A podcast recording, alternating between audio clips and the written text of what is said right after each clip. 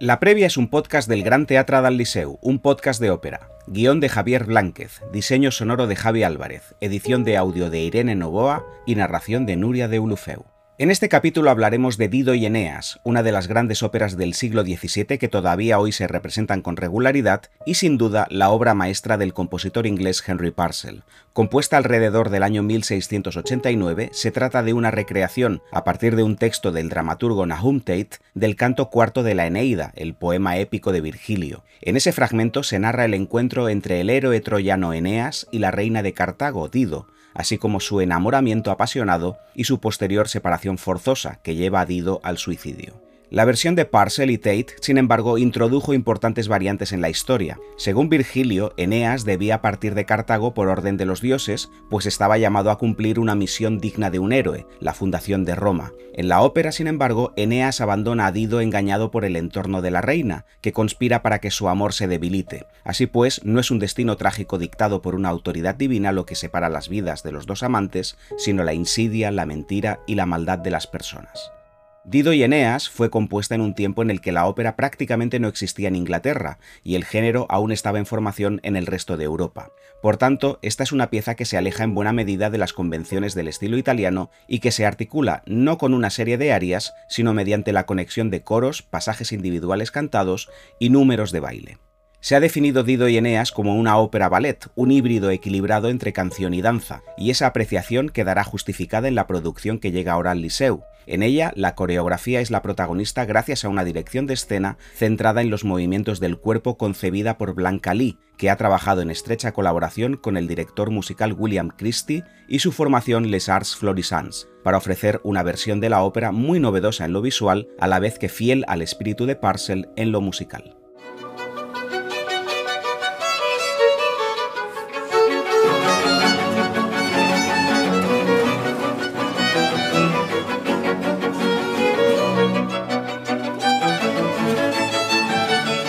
Dido y Eneas es una de las obras más bellas y emocionantes de todo el siglo XVII y a la vez una de las más misteriosas. El misterio tiene que ver con la falta de información real sobre el origen de la pieza y las motivaciones de Parcel. Fue la primera ópera del autor y la única en su repertorio completamente cantada y sin pasajes dialogados. Y en cierto modo, fue también una de las primeras óperas inglesas en un país sin tradición por aquel entonces. Pero el misterio va más allá apenas se conoce nada sobre el origen de su encargo. Solo hay datos de una única representación en un colegio para niñas a finales de 1689. Y también tenemos la sospecha de que algunos fragmentos de la partitura se han perdido. Realmente, no se sabe si es una ópera completa o inacabada. Pero independientemente de estas lagunas, lo que ha llegado hasta nosotros es una obra de una delicadeza musical y una profundidad humana que tal como la tenemos hoy, nos parece perfecta. Es además una de las pocas óperas del siglo XVII que todavía se representan, aunque con el caso de Dido y Eneas hay que introducir un matiz. Realmente se toca y se canta mucho en versión concierto, pero se escenifica menos de lo que se debería. Esto es así porque una representación fiel a la naturaleza de la ópera implica integrar de manera absoluta música, canto y danza al más alto nivel, ya que estos tres elementos están completamente armonizados en la narrativa y la emoción de la pieza. Fijémonos en un detalle que tiene que ver con el Gran Teatre del Liceu. La última vez que se programó Dido y Eneas fue en enero de 1956, que a la vez fue el estreno de la ópera en España. Y ahora, casi 70 años después, por fin se han dado las condiciones óptimas para que la obra de Parcel pueda regresar al teatro en una versión tan renovadora como historicista. Esta nueva coproducción que estrenaremos, en la que participan además del Liceu los teatros del Canal y el Teatro Real de Madrid, el Teatro de Versalles y el Teatro Imperial de Compiègne, surgió de la siguiente manera. William Christie lleva estudiando y tocando Dido y Eneas desde hace décadas. Fue uno de los músicos que activó la recuperación de la ópera de Parcel para el siglo XX y nunca ha disminuido su interés por ella. Hace unos años habló con la coreógrafa granadina Blanca Lee con la que había colaborado en producciones de ópera barroca en París, y surgió la idea de crear una nueva producción, pero en la que Lee no solo desarrollaría la coreografía, sino todo el concepto escénico.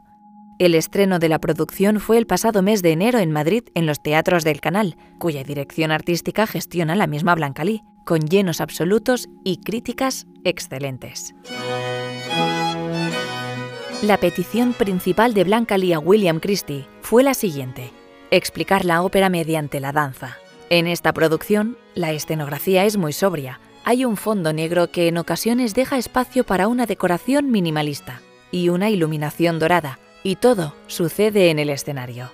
Los músicos y los cantantes están en el mismo espacio, y los personajes protagonistas se nos presentan como estatuas, subidos a unos pedestales que deben ser movidos por los miembros del coro o del ballet para pasar al primer o al segundo plano del escenario.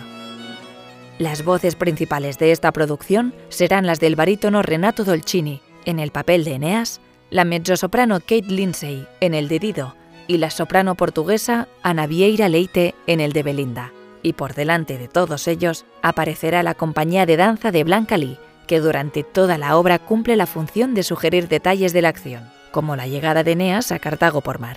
Pero sobre todo, tiene la misión de enfatizar las emociones que embargan a los personajes, principalmente a un Eneas confundido que siente el rechazo del entorno de Dido y a la propia Dido, una mujer víctima de los malos consejos de su propio pueblo.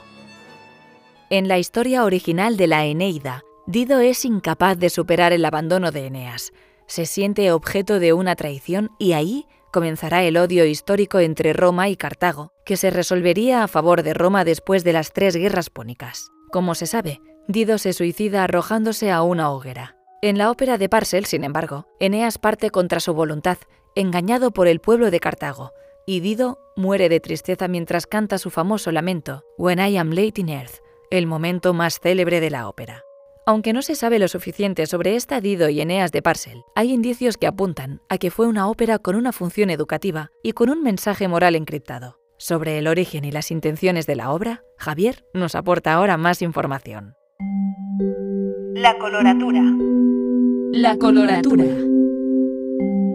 La única representación de Dido y Eneas documentada en vida de Henry Parcel se produjo a finales de 1689, presumiblemente en el mes de diciembre en un espacio muy particular de Londres, Mr. Josiah's Priest Boarding School at Chelsea, un internado para chicas. Este dato puede llamar la atención porque en aquel tiempo, salvo en algunas ciudades de Italia, la ópera era fundamentalmente un entretenimiento palaciego para la aristocracia y no una actividad educativa para niñas. Hay teorías que han intentado demostrar que la composición original de Dido y Eneas fue algo anterior en el tiempo y que hubo de hecho un estreno del que no ha quedado registro que supuestamente habría tenido lugar en el Palacio de Whitehall ante los nuevos soberanos de Inglaterra, el rey Guillermo III y la reina María, que habían ascendido al trono tras la Revolución Gloriosa de 1688 con la que se derrocó al rey Jacobo II. Los motivos para argumentar esta tesis están en que la partitura más antigua que se conserva de la ópera incluye una parte para barítono, que es el papel de Eneas, y también para voces masculinas en el coro. La escuela de Josias Priest solo admitía muchachas, así que aquella representación, más que un estreno absoluto, quizá fuera una reescritura de todos los papeles para voces femeninas, o una versión fiel de la partitura original con cantantes masculinos profesionales cercanos al entorno de Parcel, que era un compositor habitual de himnos religiosos para la corona. Realmente hay muchas lagunas en esta historia, que por supuesto contribuyen a abrillantar el aura enigmática de la ópera.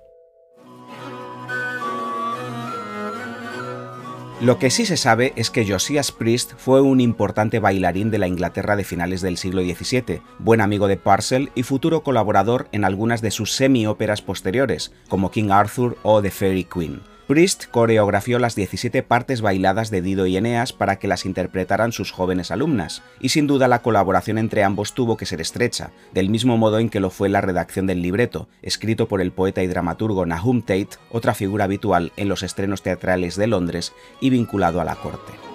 Sin embargo, Dido y Eneas no es una simple adaptación de Virgilio. Se sospecha que Tate, que había causado una gran polémica en su tiempo por revisar el texto de Ricardo II de Shakespeare, para no molestar al rey, había escrito una historia con final distinto y en clave política. Una tesis extendida afirma que la ópera es una advertencia a Guillermo III, que por entonces estaba embarcado en una larga guerra, para que no renunciara a sus funciones. La reina María, como Dido, había sido abandonada en el palacio y cargaba con la responsabilidad de toda la política nacional.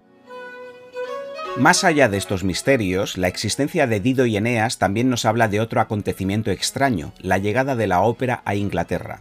En el siglo XVII, en Londres existían dos tipos de espectáculos que unían la música y la dramaturgia. Las mascaradas, un entretenimiento cortesano que unía danza, declamación y música, y también el teatro cantado, es decir, obras de teatro en los que solían insertarse canciones, un antecedente de la posterior semiópera que practicó Parcel, donde no hay una integración plena de la música y el diálogo, y también un precedente del music hall que arrasaría entre las clases populares siglos después.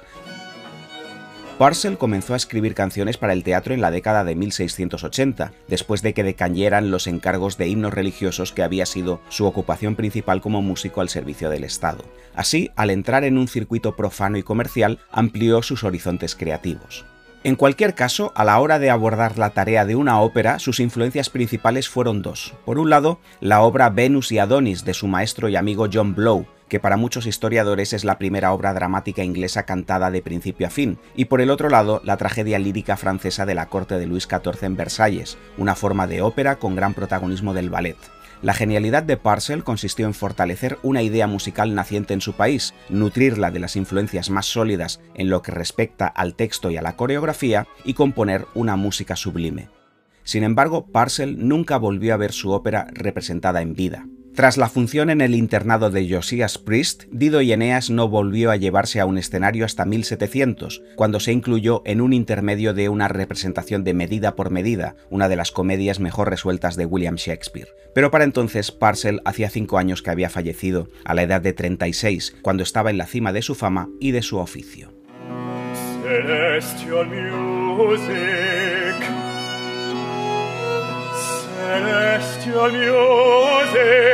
Did the God in store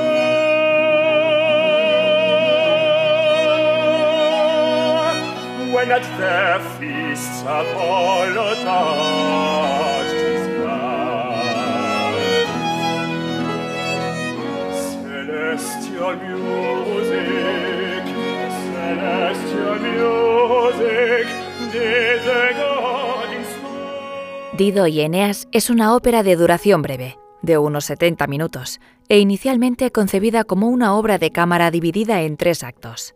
En el primero, asistimos a la llegada de Eneas al palacio de la reina Dido, después de que su flota naufrague ante las costas de Cartago. Eneas, hijo del rey Príamo, ha huido de Troya después de que los griegos entraran en la ciudad y vencieran en la guerra que les había enfrentado durante años. Cuando Eneas llega a Cartago, Dido se enamora de él pero se resiste a confesar su pasión. Belinda, la hermana de la reina, le asegura que ha llegado a saber que Eneas también está enamorado de ella. Cuando Dido y Eneas vuelven a encontrarse, las damas y los caballeros del palacio celebran el futuro amor que les espera.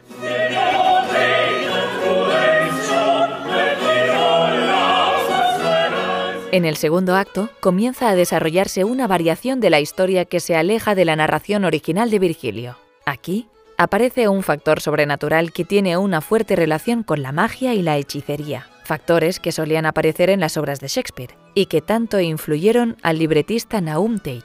En una cueva, una bruja quiere destruir la felicidad de Dido y urdirá un plan para romper la pareja. Con la ayuda de otras brujas, se dirigirá a Eneas bajo la apariencia de Mercurio, el mensajero de los dioses, y le recordará que tiene una misión que cumplir, refundar la gloria de Troya en un nuevo país, lo que será la futura ciudad de Roma.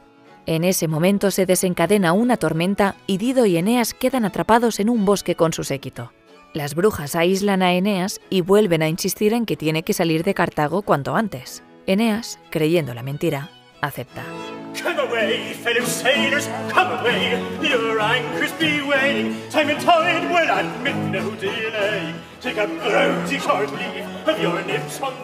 En el tercer acto, la conspiración de las brujas va más allá. Mientras Eneas se prepara para partir, comienzan a trazar un plan para destruir a Dido y, por extensión, toda la ciudad de Cartago. Una de las brujas, transformada en una dama insidiosa, la identificada como Second Woman en el libreto, es la que envenena de manera más perversa el alma de la reina. Ella se lamenta de su mala fortuna, sin saber que Eneas ha decidido desobedecer los falsos designios de los dioses. Pero cuando él le dice que quiere quedarse en Cartago, Dido, destruida en su autoestima y llena de dudas, decide rechazarlo. Eneas se marcha y Dido se suicida.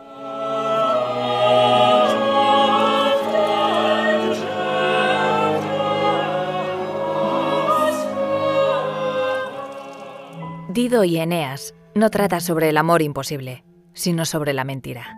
En la obra original de Virgilio, Eneas debe abandonar a Dido porque es su destino. En la ópera de Parcel, los dioses no intervienen, y Eneas toma su decisión en base a una simulación de una realidad que no existe.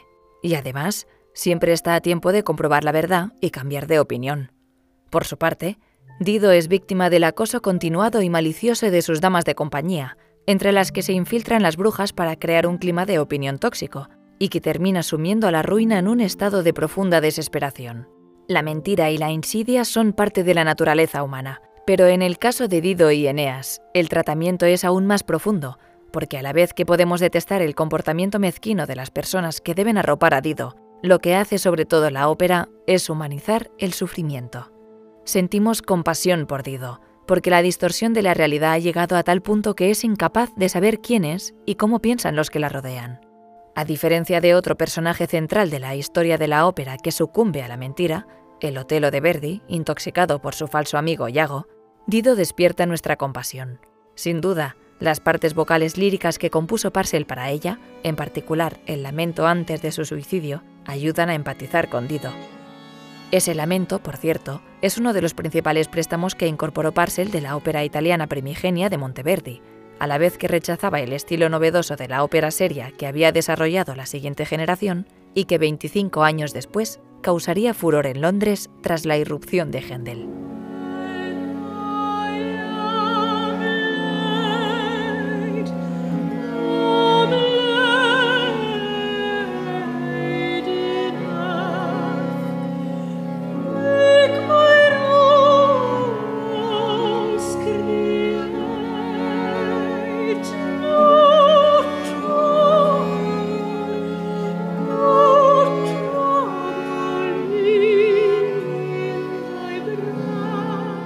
Si reducimos la trama de Dido y Eneas a conceptos contemporáneos sencillos de entender, podríamos decir que esta historia trata sobre las noticias falsas y el acoso, es decir, las fake news y el bullying. Sin duda, Parcel no pudo llegar a pensar en estos términos, pero la esencia de la manipulación más burda y de la demolición más brutal de la voluntad ajena están incorporadas en el centro de la ópera y hacen que todavía hoy no solo nos cautive la belleza y el equilibrio de la música, dominada por los bajos continuos y el canto melismático característico de Parcel, sino también su profunda exploración de la naturaleza humana. En la producción de Blanca Lee, estos aspectos son centrales, pues será la coreografía, un movimiento continuado de su compañía de danza, la que irá indicando los diferentes aspectos argumentales o emocionales que debemos observar con atención. Los bailarines y el coro son figuras que envuelven a los cantantes estáticos y amplifican sus deseos, sus miedos y sus contradicciones. Además, el movimiento tiene una función añadida, convertir una ópera de cámara en una representación de más magnitud, capaz de llenar un escenario grande como el del Liceu. Aquí, los decorados neutros y los juegos de luces sutiles hacen que centremos la atención en el cuerpo de baile, al ocupar continuamente el escenario consigue que percibamos la obra como una gran sinfonía del movimiento. Una de las técnicas que más se utilizan es el deslizamiento de los bailarines sobre una superficie continuamente humedecida, consiguiendo así una gran sensación de dinamismo. A la vez, eso libera a los cantantes para que afronten sus partes concentrados prácticamente al completo en la voz. En conjunto, es una experiencia embriagadora que recupera la esencia de Dido y Eneas como una ópera ballet tan revolucionaria en su día como significativa en la actualidad.